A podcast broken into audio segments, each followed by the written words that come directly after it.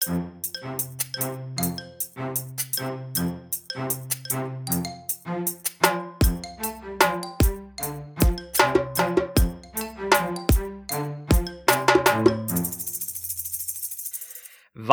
välkomna tillbaka till Stacken. Jag, Daniel Gustafsson och Kim Hindart.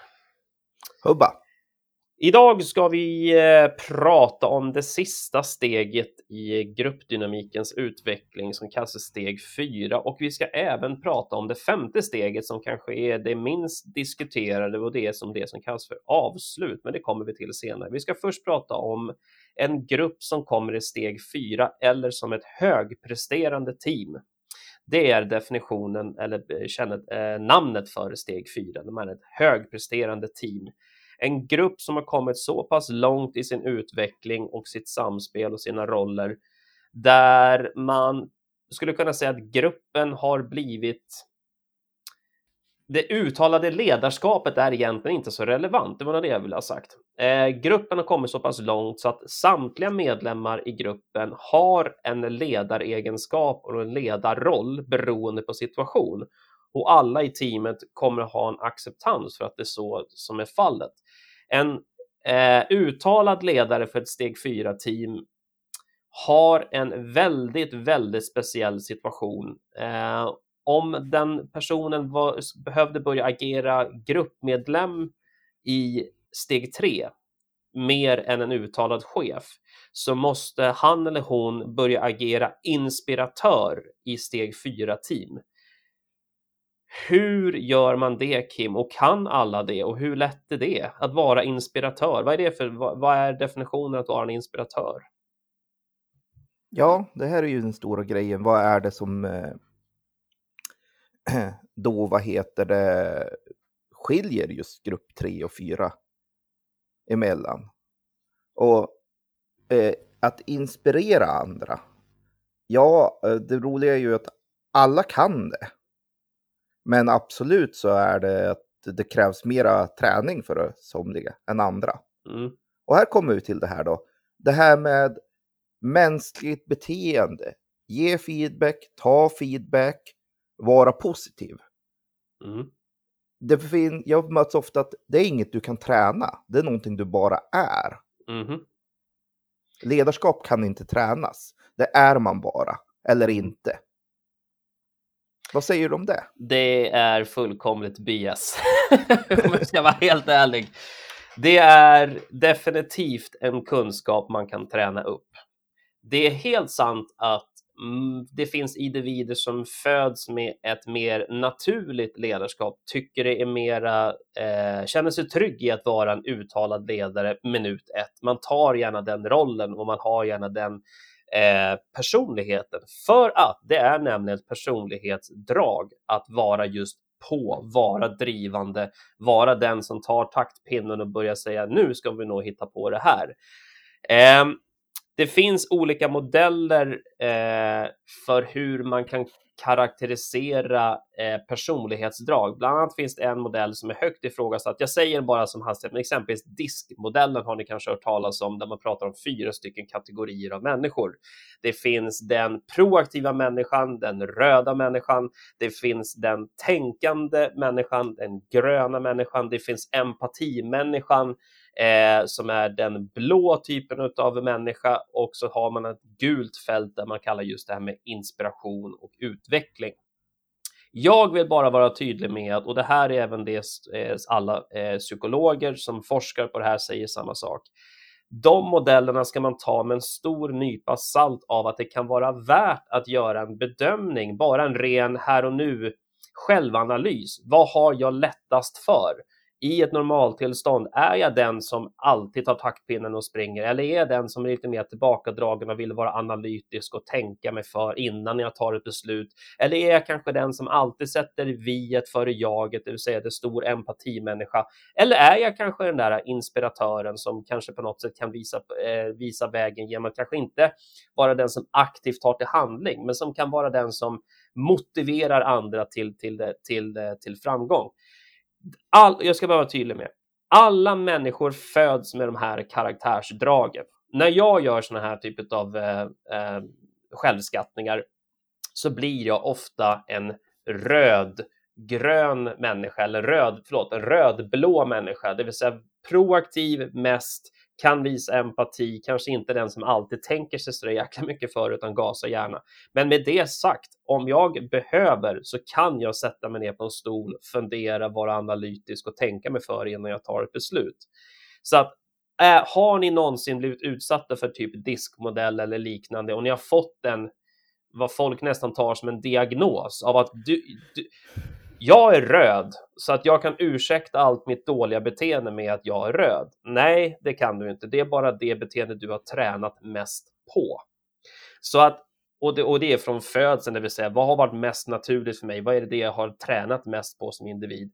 Eh, under mina år. Eller så kanske bara den som naturligt var den som satte mig ner på en stol och funderade och var väldigt analytisk. Ja, det är ju bara för att jag har tränat mest på det och då har det blivit mitt mest naturliga drag. Men alla människor har de här olika karaktärsdragen i sig. Det är det enda jag kommer att säga om diskmodellen, så kan vi lägga den åt sidan.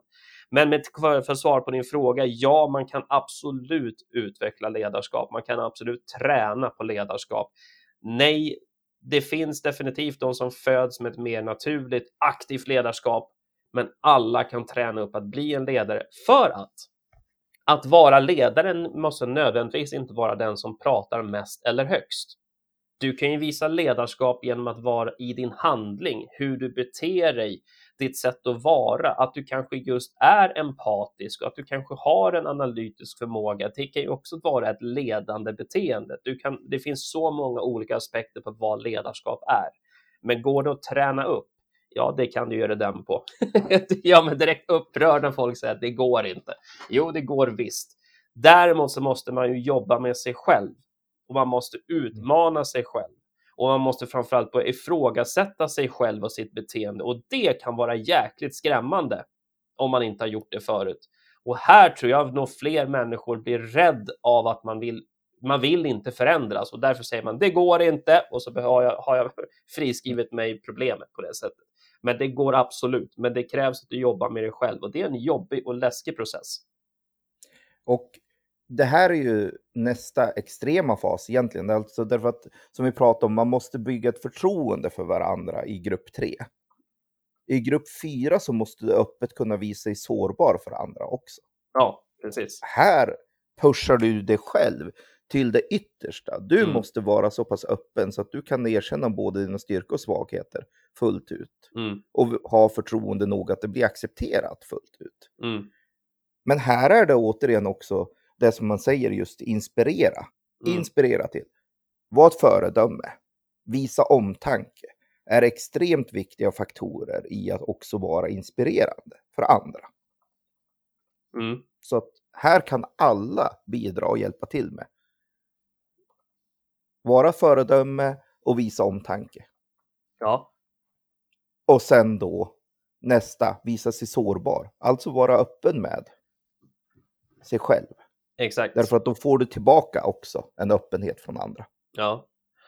Om, om vi då säger att man, man, måste, man måste vara en, Eh, en inspiratör i sitt ledarskap med en grupp 4-grupp som då är väldigt sammansvetsad för att vara tydlig. För det här är, det här är ju definitionen av en grupp 4-grupp, att det är en väldigt sammansvetsad grupp. Den, det är en grupp där du inte kan gå in och peka med raka armen och säga nu tycker jag så här, nu ska ni göra så, så går man därifrån och stänger dörren. De kommer bara fnysa åt din åsikt och sen så går de och gör precis det de vill i alla fall, för de vet att de är starkare tillsammans än din unika åsikt.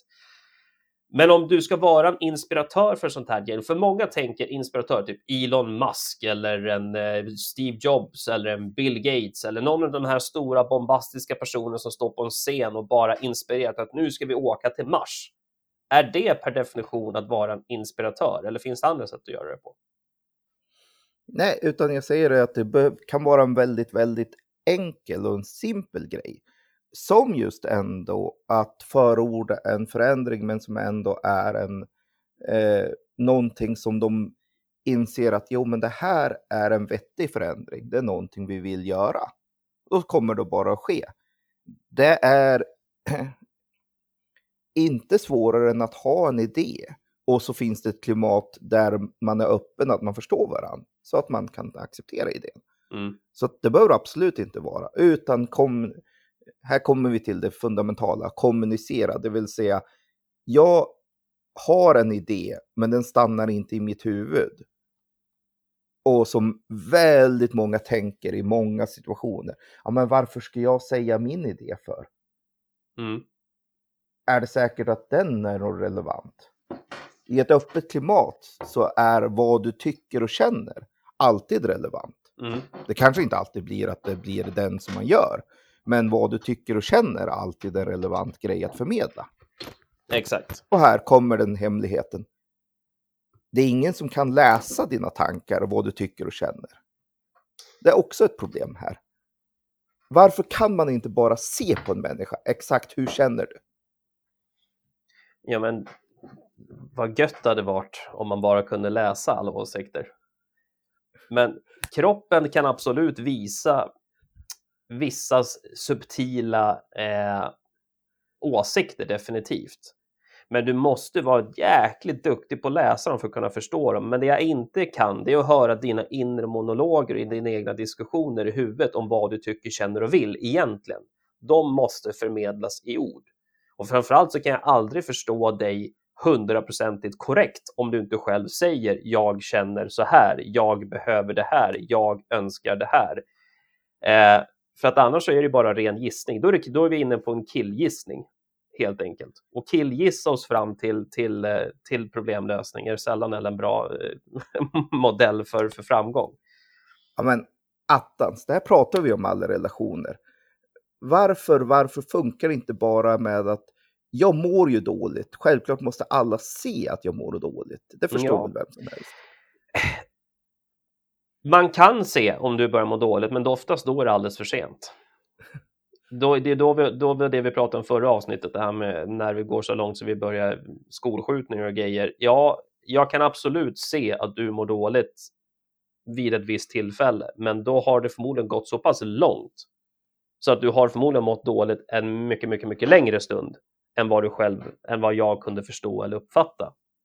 Eh, det är, det är, vi, vi, kan bara ta död på den, den, den, tanken om att min kropp kan bara så enkelt förmedla i ord, text och handling hur jag känner genom att bara säga att det går inte. Det, det, det, jag, jag, kan rekommendera en annan podd eh, som jag lyssnar på som eh, skådespelerskan Miredell kör som just handlar om kroppens förmåga att kommunicera där hon går igenom allt det här med hur man håller armar, hur man för kroppen.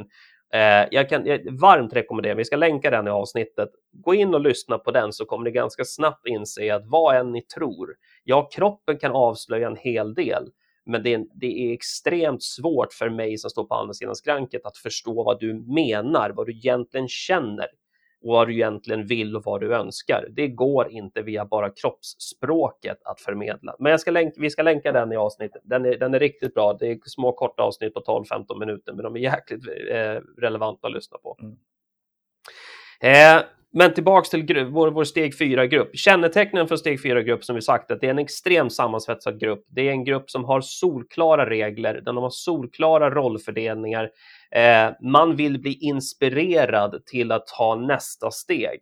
Eh, det är en grupp som kan visa ett extremt stort självförtroende också. Snudden på, det kan även hända med steg 3-grupper, att man kan bli lite, man kan bli lite typig mot andra grupper av att vi minsann är lite bättre än alla andra för vi är en så himla sammansvetsad grupp. Men i steg fyra, då har vi kommit över den fasen av att vi är inte typiga längre. Vi är duktiga att jobba, inte bara med varandra, vi är också duktiga att jobba med andra team, för vi är så trygga i vår egen förhållning med varandra, så det är inga konstigheter att jobba med andra team, därför att vi kan bara ta vår kultur och implementera den i, i, vår, i vårt nästa beteende med andra, andra gäng också. Eh, och det finns ingen som helst eh, hot mot, mot, mot min status eller roll i gruppen. Eh, och vi jobbar aktivt för att förbättra de processer som vi har. Och precis som du säger, man visar värme och gemenskap, man kommunicerar, man pratar med varandra. Man är en grupp som är extremt mån om varandra, för man vet att det är viktigt att vi mår bra. Det är viktigt att vi får höras och synas och förstås. Och eh, vi är en grupp som upp, eh, uppmanar till att bli utmanade. Och det är ju här som det är, det är det här jobbet som ledare för ett sånt här team ligger. Hur håller jag stimulansen igång i ett team som bara vill ta nästa steg och utvecklas och jobba som grupp? Eh, och det här är en tuff, tuff utmaning som ledare och det här är inte alla som klarar av för att man, man blir inte särskilt viktig som ledare i det här i sånt här team. Eh, man är en del av teamet, man är en del av lösningskraften, så där får jag absolut ett utlopp för mina åsikter och mina känslor. Men om jag, tar, om jag tycker det är viktigt att jag ska synas som ledare, ja, då kommer jag inte att eh, må särskilt bra som ledare i en sån här typ av grupp. Det finns en, en historia från eh, eh, Vietnamkriget eh, där eh, plutoner som var försatta ute i djunglerna i Vietnam, amerikanska plutoner, Eh, det gick inte särskilt bra för jänkarna i, i, det kriget som ni kanske kommer ihåg. Eh, många strök med och framförallt så var det en stor åtgång på officerare. Eh, och de här stackars teamen som blev kvar i djunglerna och där borta i, i, i Vietnam under lång tid blev ju naturligtvis sjukt sammansvetsade. För när livet står på spel så är det väldigt enkelt att motivera varför vi ska jobba tillsammans. Eh, och när det då kom nyexade 18, 19, 20-åriga officerare, löjtnanter från, ifrån, eh, ifrån USA överskickade och skulle ta över de här teamen så gick det sällan så bra, för de hade blivit utbildade i hur man styrde en pluton och hur man styrde en grupp, det vill säga med järnhand och peka och raka order. Och när de här stackars stackars eh, officerarna kom in i de här grupperna som då hade varit i Ungern under lång tid och blivit extremt sammansvetsade, när de försökte studsa upp ja, då sköts de i ryggen av sina egna trupper och så kom de hem och USA förstod inte varför man fick så många officerare hemskickade i likkistor, men det fanns en orsak till varför. Du går inte att storma in och peka med hela armen i, ett sånt sammansvetsat team. De kommer att vända sig och göra revolt mot den ledaren och förklara, hörde du, ledarskapet ser ut på det här sättet i våra team. Det är ett gemensamt ledarskap. Du som individ kan absolut ha en åsikt och, och, och eh, en förhållning, men att komma in och peka med hela armen kommer sluta i en total katastrof. Och här är en stor, en stor, stor, stor utmaning mot alla chefer och ledare som vill ta plats. Det funkar inte i ett sånt här team. Så här är det ju då, ska man ha ett sånt team överhuvudtaget? Tänk om teamet då har en annan uppfattning än företagsledningen? Ja, tänk om. Men förmodligen så kommer det här teamet att vara väldigt fogliga med företagsledningens åsikt, för man har ju tagit in det som en del av sin egen målsättning, sin egen strategi i sin egen grupp. Man jobbar ju för företagets bästa, man tar in företagsledningens vägledning, eh, ambition och eh, eh, affärsstrategi och så tar man den och så förädlar man den. Så att det är ju sällan en, en sån här grupp kommer bara bli totalt revolutionistisk och säga ni har helt fel och går vi åt andra hållet. Det kan säkert hända, men den här gruppen kommer vara foglig även gentemot ledningen och eh, företagets välmående för att vi, vi förstår att det är därför vi jobbar i det här företaget. Vi, tycker vi inte det var en bra idé så då kommer det förmodligen inte de här individerna vara kvar. Då går man inte något annanstans istället. Men tror vi på idén, tror vi på affärsstrategin så kommer en sånt här team att styrka din strategi och styrka din, din ambition som företag. Så att jag hävdar med bestämdhet att kan du få hit så många team som möjligt till det här tre, steg tre och fyra, du kommer bara främja ditt företag och din egen affärsstrategi.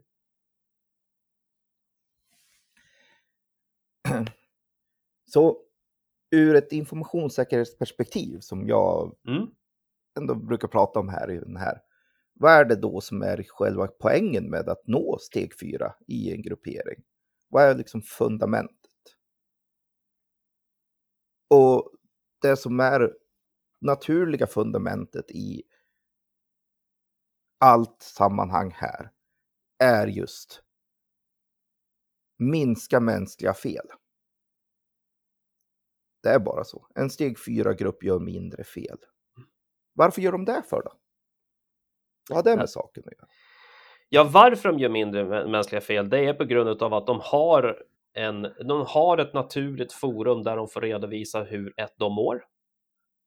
De har ett naturligt forum där de får lyfta sin egen åsikt. De har fått grundfundamentala eh, behoven sedd, hörd, förstådd, uppfylld.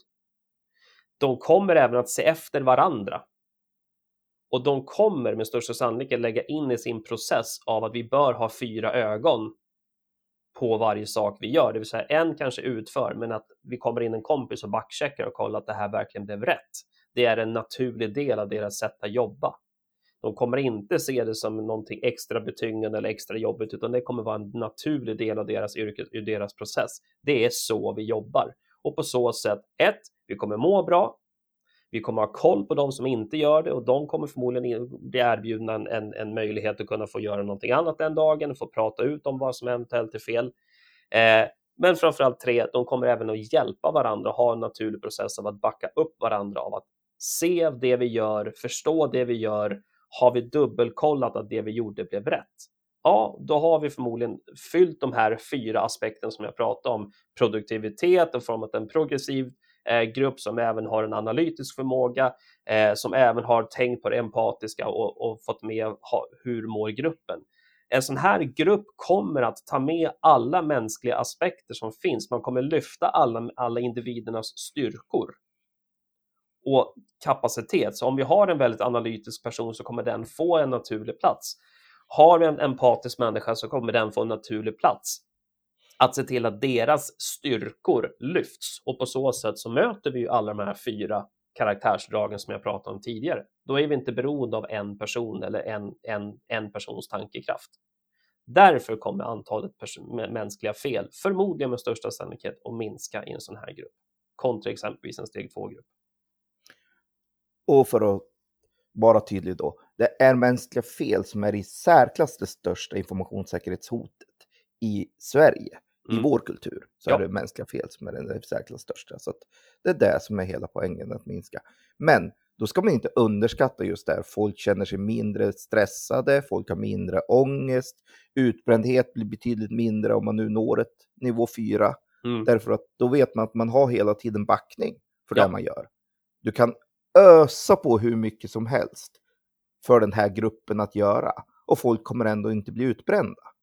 Till skillnad från om du öser på hur mycket som helst och det är varje enskild individ som sitter och buktar under det här oket så kan den här gruppen, ett gemensamt team i det här steget, egentligen ta mm. emot nästan hur mycket som helst utan att det är ett problem.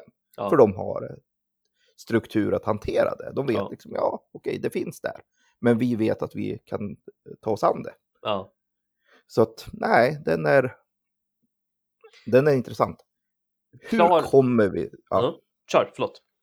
Hur kommer vi nu då till just sånt här?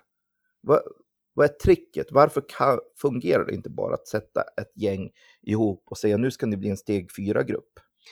Därför det tar tid. Och vi hävdar nog med bestämdhet, i vart fall jag hävdar med bestämdhet, att det är det tiden det tar för att faktiskt nå, om inte steg fyra, för det ska jag vara tydlig med också, det är ganska få team som tar sig hela vägen till att bli en steg fyra grupp. Men att bli en steg tre grupp, jag skulle utmana och säga att det kan alla team bli. Men det tar tid. Och här tror jag är den största boven i dramat varför för få team inte lyckas ta sig över den där steg två knölen som vi pratade om för, för, för ett par avsnitt sedan, att eh, man fastnar som ett steg två team Och så blir man frustrerad och så blir man irriterad och istället för att lösa den knuten så bryter man upp teamet och så börjar vi om. För att ett, det kan ta eh, upp till två år eller kanske till och med längre, men runt ett och ett halvt till två år för ett team att göra resan till att bli ett steg fyra team. Och hur många team får den tiden? Inte bara inom våran bransch. Tänk idrott, men tänk företagsvärlden generellt där det är kopior och vi ska leverera resultat och pengar in och pengar in och mål och mål och mål och mål. Och vi når inte målen tillräckligt fort och vi har kvartalsrapporter som visar dåliga siffror, så nu måste vi göra en förändring. Och förändringen tyvärr nästan alltid sker på personals kostnad. Inte bara av att vi kanske gör uppsägningar, det är den värsta av åtgärder, men att vi gör omstruktureringar. Eh, omgrupperingar. Hur, tänk efter själv ni som lyssnar. Hur många gånger har ni inte blivit omgrupperad, omstrukturerad, nya avdelningar, nya grupper som en nödåtgärd för att växa en dålig inkomst? Eller en, en haltande affärsstrategi som inte håller vatten. Och istället för att då ta sig an en haltande affärsstrategi eller kanske till och med byta affärsstrategi så tänker affärsledningen, nej minsann, vi gör en snabb förändring i våra grupper för då kommer det gå bättre. Vi ger det inte tid. Det här tar ett och ett halvt till två år om vi ska jobba igenom det ordentligt och verkligen få ge det den tid vi behöver. Vissa team kommer att gå fortare för att vara tydlig. Det kan ta det finns, vissa team kan bara sprinta igenom för att de har den kapaciteten tillsammans. Men jag säger om vi ska ta någon, någon form av mediansnitt. Tänk ett, ett och ett halvt år upp till två år. Hur många av er företagsledare som sitter och lyssnar på det här just nu är beredd att ge er ett team två år för att komma till den här punkten? Och gör ni inte det så bör ni ta en rejäl fundera på varför ni inte tillåter dem att göra det.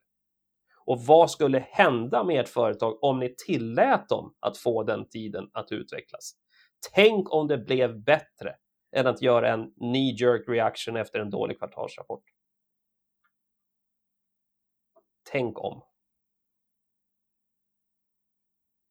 Så, om vi nu har pratat om de här olika stegen och liksom försöker jobba till steg fyra. Mm.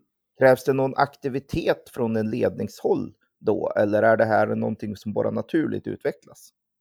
Det krävs absolut eh, aktiviteter från ledningshåll. Det, för framförallt så måste det finnas en, ett commit. Då. Vi, vi, måste, vi, måste till, vi vill tillåta våra team att få gå och göra resan. Eh, vi behöver absolut jobba med vårt ledarskap av att vad har vi för typ av ledare i, i, vår, i vår verksamhet? Vilka utser vi till ledare framför allt? Gör vi som vi traditionellt gör att en duktig tekniker blir per automatik en teamledare för han, var ändå dukt, han eller hon var ändå en duktig tekniker? Eller gav vi den personen som var en duktig tekniker en utbildning att bli en duktig ledare exempelvis? Eh, eller hoppas vi bara på den Magic 8 ball att den personen kommer fixa det bara för att han eller hon var så himla duktig tekniker? Eh, eller vad det nu är för någonting, administratör eller ekonom eller vad, oberoende vad jag jobbar med. Men personen var en så duktig utövande kraft så att naturligtvis måste den bli en extremt duktig ledare. Det är inte per automatik sant heller, så att vi behöver ge alla som vi tillsätter som gruppledare, avdelningschefer och så vidare en real utbildning i hur funkar ledarskap? Förstår alla just vilken grupp jag har och vart står den och passar mitt ledarskap mot den grupp som jag har framför mig och så vidare och så vidare. Så det finns massor med åtgärder, men framförallt ett commit från ledningen att vi vill utveckla våra team till att bli högpresterande team, vart fall steg tre team, om inte fyra. Eh, och det här det, det är långt ifrån alla som är beredda att göra den satsningen just på grund av att det kommer ta tid.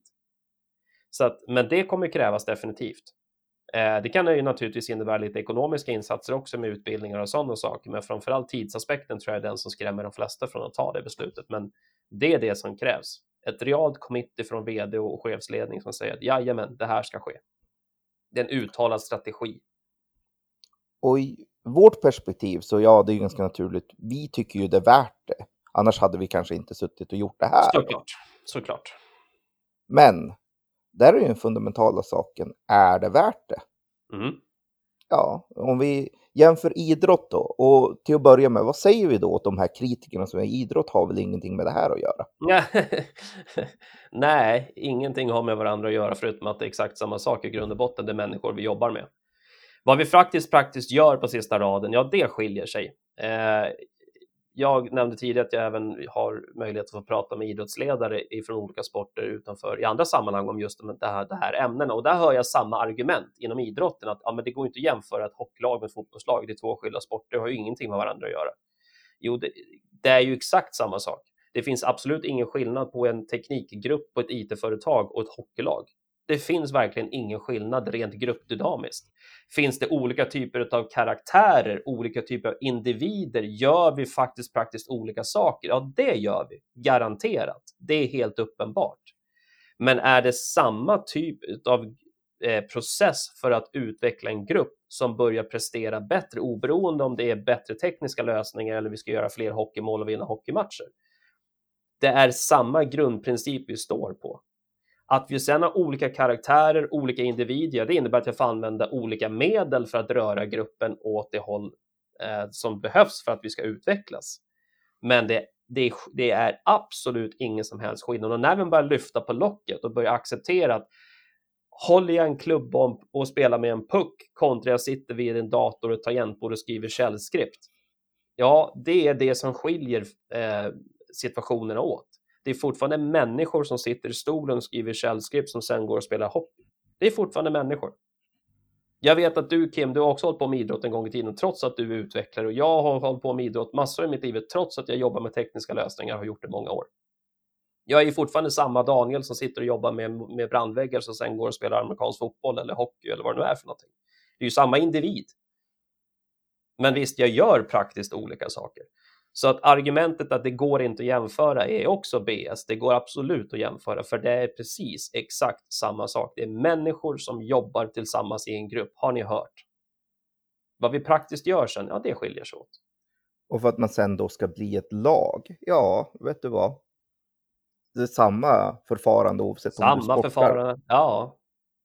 Kan Så. vi ge varandra feedback? Har vi en öppen dialog? Kan, vi, kan jag erkänna vem jag är? Törs jag berätta vad jag känner? Törs jag berätta vad jag tycker? Ja, det är exakt samma sak. Har ingen skillnad.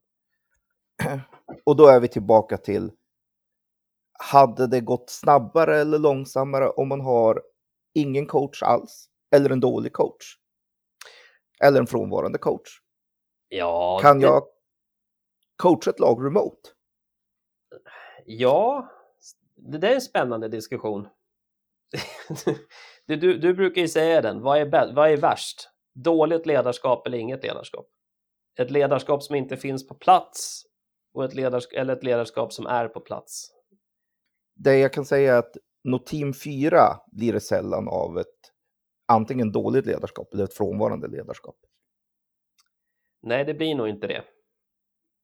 För då löser vi ju inte steg ett och två. Och det fundamentala är att det krävs en insats i ge men verktyg. Och då menar jag inte tekniska verktyg utan mentala verktyg att hantera just att komma vidare i de här faserna. Mm. Men når man steg fyra grupperingar så har de ju en positiv egenskap i det att när du slänger in nya personer i en steg fyra grupp, vad händer då? Ja, det är ju egentligen det kanske det som kan tippa bägaren för vilket team som helst. Förändring. Men ett steg 4-team kommer vara mycket, mycket mer mottaglig för förändring och framförallt den individen som steppar in i ett steg 4-team kommer ganska snabbt få förklarat för sig vilka spelreglerna är i det lag och den grupp han steppar in i.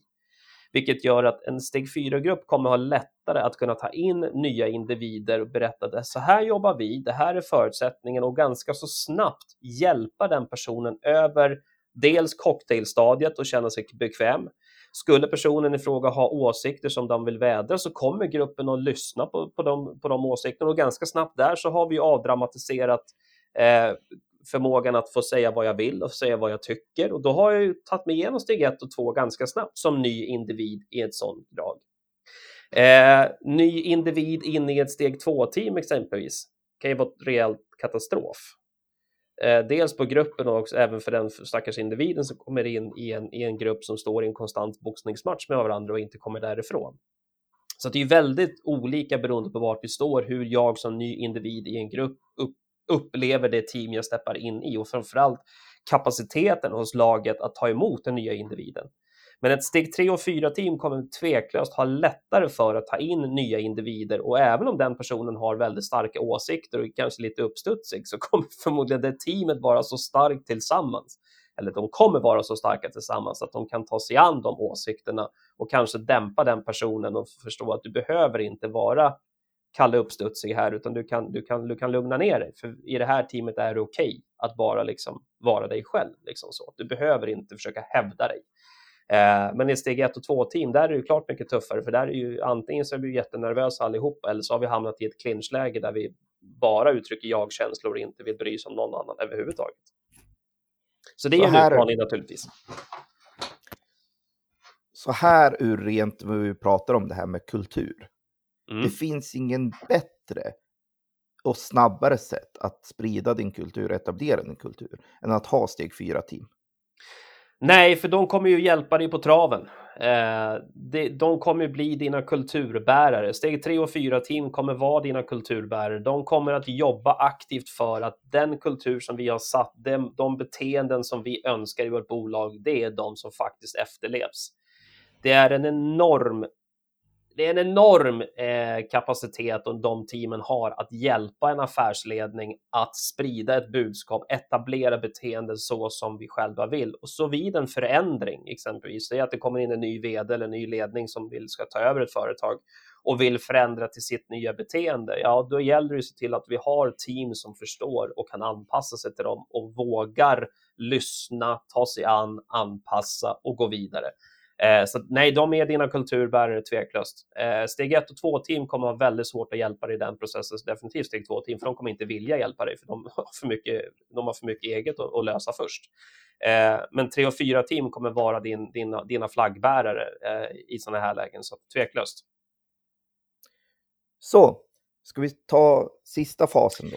Ja, vi kan väl ta den. Eh, steg 5 uppbrottet, upplösning av en grupp. Och vi nämner den nu därför att jag upplever själv och många med mig som har jobbat med det här i många, många herrans år och som kan det här mycket bättre än vad, vad vi kan, hävdar med bestämdhet att det här är någonting vi gör för dåligt. Det vill säga när vi bryter upp en grupp, säg att vi har en väldigt väl fungerande grupp för som, som för av någon orsak behöver eh, förflyttas, förändras, göras om och då ska vi vara tydliga med att det innebär inte att vi måste bryta upp hela gruppen. Det kanske innebär att två individer lämnar och ska gå till en annan grupp och jobba med någonting annat i företaget och vi ska ta in två nya. Det är ett uppbrott, för att vara tydlig. Det är en upplösning av den, av den existerande gruppen. Så även om jag har 12 personer i min, i, min, i min grupp, tar jag bort två så har jag brutit upp gruppen. Bara så att ni förstår. Det innebär inte att alla 12 måste springa åt, åt varsitt håll. Uppbrottet eller upplösningen av en grupp är extremt viktigt att ta sig an, för det här kan vara det här kan bli nästan till traumatiskt för de medlemmarna i gruppen som måste, bryta, som måste förändra sig nu. För om du, tänk efter själv om ni har varit i en situation där ni har har varit jobb, om ni har jobbat med en grupp eller hockeylag eller tänk efter fotbollslag, någon, någon gång i livet när ni var i det där gänget som bara var helt fantastiskt. Det var det roligaste ni visste att gå till. Det var en ren fröjd att gå till jobbet. Det var kul att gå till fotbollslag. Det var bara, ni hade bara fruktansvärt roligt ihop. Skitsamma om ni vann så mycket fotbollsmatcher eller strunt samma om ni var liksom världens bästa teknikteam. Men ni tillsammans var ett grymt team tillsammans. Ni hade fruktansvärt roligt ihop. När det här bryts upp så kan det bli en extremt traumatisk upplevelse av att jag tappar min trygghet. Eh, för er som har gått ledning, ledarutbildningar, typ UGL som vi hänvisar till det här med IMG exempelvis. Eh, många som går sådana typer av utbildningar och som hamnar i en grupp som blir sammansvetsad väldigt snabbt, även fast det är på kort tid, men man blir väldigt snabbt sammansvetsad. Det är det kan bli så jobbigt så att man bryter ihop och gråter. Man kan bli så ledsen när dagen kommer och vi måste åka hem för att du vet att det jag lämnar nu, jag kanske inte får det när jag kommer hem eller när jag kommer till min arbetsplats. Eller jag, jag fick uppleva någonting som var så starkt emotionellt. Och så vet jag att när jag vaknar imorgon, då har jag inte den här gruppen kvar.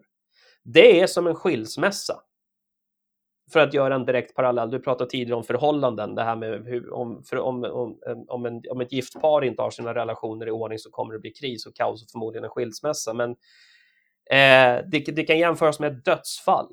Någon som försvinner, någon som går bort. Jag tappar någonting extremt vitalt i min värld. Det är någonting man måste be beakta och bejaka när man bryter upp ett team. Att det är inte bara att trycka på knappen i ditt, i ditt organisationsschema, skicka ut och säga ja, nu har vi brutit upp allting, nu ska vi börja om från början, lycka till och så kör vi imorgon bitti. Ni måste ta en beaktning att det ni gör, att ni kan bryta upp ett team som mår otroligt bra tillsammans. Det här krävs en behandling. Och hur gör man då? då? Jo, man måste tillåta personerna att få sörja lite grann eller vart fall få avlämna en gåva i form av feedback. Vad jag har uppskattat med dig som person som lämnar, vad jag önskar att, eh, vad du har tillfört till mig som person eller vad, jag, eller vad du tillförde till gruppen. Och kanske också även ge en utvecklande återkoppling att när du går vidare till nästa team eller du byter jobb eller vad du ska göra för någonting. Eh, ta med dig det här, tänk på det här så kommer du utvecklas till att bli en ännu bättre människa. Det är en ren, man behöver sätta sig ner och få göra en ren feedback-avlämning och göra det som grupp. För att vara tydlig också. Vi tillsammans gör inför varandra, för då är man, där är man ju så trygg så att man kan göra det. Det är inte konstigt på något sätt. Eller vill man göra det individuellt så får man göra det också naturligtvis. Men att du tillåts att göra ett officiellt avslut precis som vid ett dödsfall och precis som vid en skilsmässa eller precis som vid ett annat uppbrott som är jobbigt emotionellt. Det här är samma sak. Jag behöver få förmedla till dig vad jag känner. Tack för vår tid tillsammans. Du har betytt jättemycket för mig. Åh, vad det här var fantastiskt. Och här är en gåva från mig till dig för vad du skulle kunna utveckla när du går vidare. Det här är någonting vi hoppar över alldeles för ofta och vi gör det eh, lite för dåligt. Så att egentligen det vi vill ha sagt med det här är att vår uppmaning till er som lyssnar, när ni bryter upp era team, tillåt dem att få säga farväl ordentligt. För det annars kan det bli en riktig rekyl tillbaka på att de som nu bryts upp inte kommer må särskilt bra på jobbet imorgon bitti. Och då var, då var vi var då någonstans? Ja, just det, inte sedda och vi var inte hörda, vi var inte förstådda. Och då har vi gått bakåt i vår utveckling. Ja. Så där är vi. Så det Detta var det. är kort om gruppdynamik och tro mig, det är kort för det finns mycket mer att Ja, säga om ja. det, även om det. Vi vi skulle kunna lägga ett par veckor och prata om det här. Men när vi nu fortsättningsvis kommer att prata lite grann om organisationer i olika steg och i de olika stegen de är i så har ni nu i alla fall referensen till vad vi menar med steg 1, steg 2 och steg 3 Ja, och grupper. precis. Ja. Och har ni mer frågor önskar ni få eh, föra diskussionen vidare. Har ni egna upplevelser som ni vill förmedla, eh, hör av er till oss. citynetwork.se stacken, sociala medier, LinkedIn, YouTube. Ni söker på stacken så hittar ni oss där. På återhörande framåt. Vi hörs Kim. Hubba.